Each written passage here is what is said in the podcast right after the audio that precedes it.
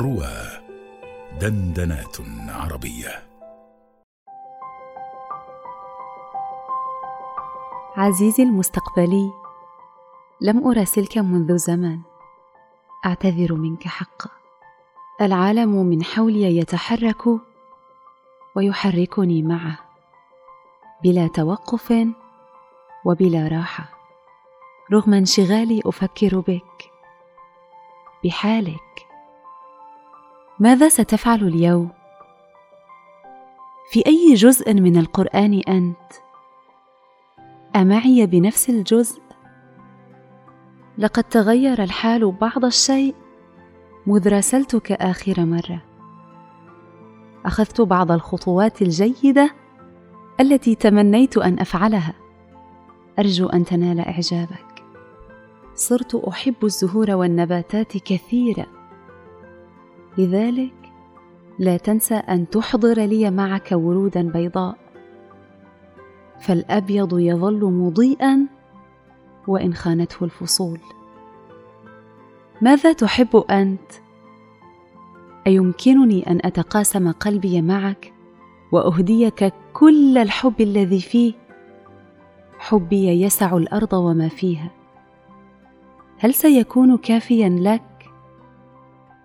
كيف حال روحك؟ أنا أرسل الدعاء إليها كل يوم. أتمنى أن يصل يا عزيزي دعاء نابع من القلب إلى القلب. عندما تشتاق لي عليك بالقهوة. في ساعات الصبح الهادئة مع أصوات العصافير في الشرفة ارتشف قليلا وانظر إلى السماء. سآتي إليك وأخبرك أني أيضا أفكر بك. تفاصيل أفعالك البسيطة تبهجني. عظيم أن يكون أحدهم بكل تلقائية وبساطة منبع طاقة ومشكاة نور لشخص آخر حتى دون أن يدري.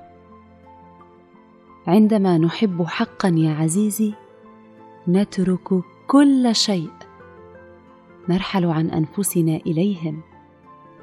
نراهم فينا في أفعالنا. نتذكرهم في أسعد اللحظات. ونركض إليهم في أتعسها. يراهم الناس في عيوننا. ربما لذلك تزداد عيون المحب جمالا وبريقه ختاما سأخبرك سرا صغيرا. العطاء هو أن تسعد بما تهديه دون انتظار مقابل دون سبب واضح. العطاء هو أن تجد من يحب قلبك فتهديه كل الحب الذي فيه وتكون تلك سعادتك أن ما يتمناه قد ناله. لذلك لم ارى أعظم من عطاء الأم بين البشر فهي كمصباح يسعد بإنارة روحك غير مهتم بنفاذ وقوده بنفاذ حياته. سأكون سعيدة باختصار كل معاني الحب فيك. لتكون أنت طفلي الأول ووالدي الثاني وحبي الصادق.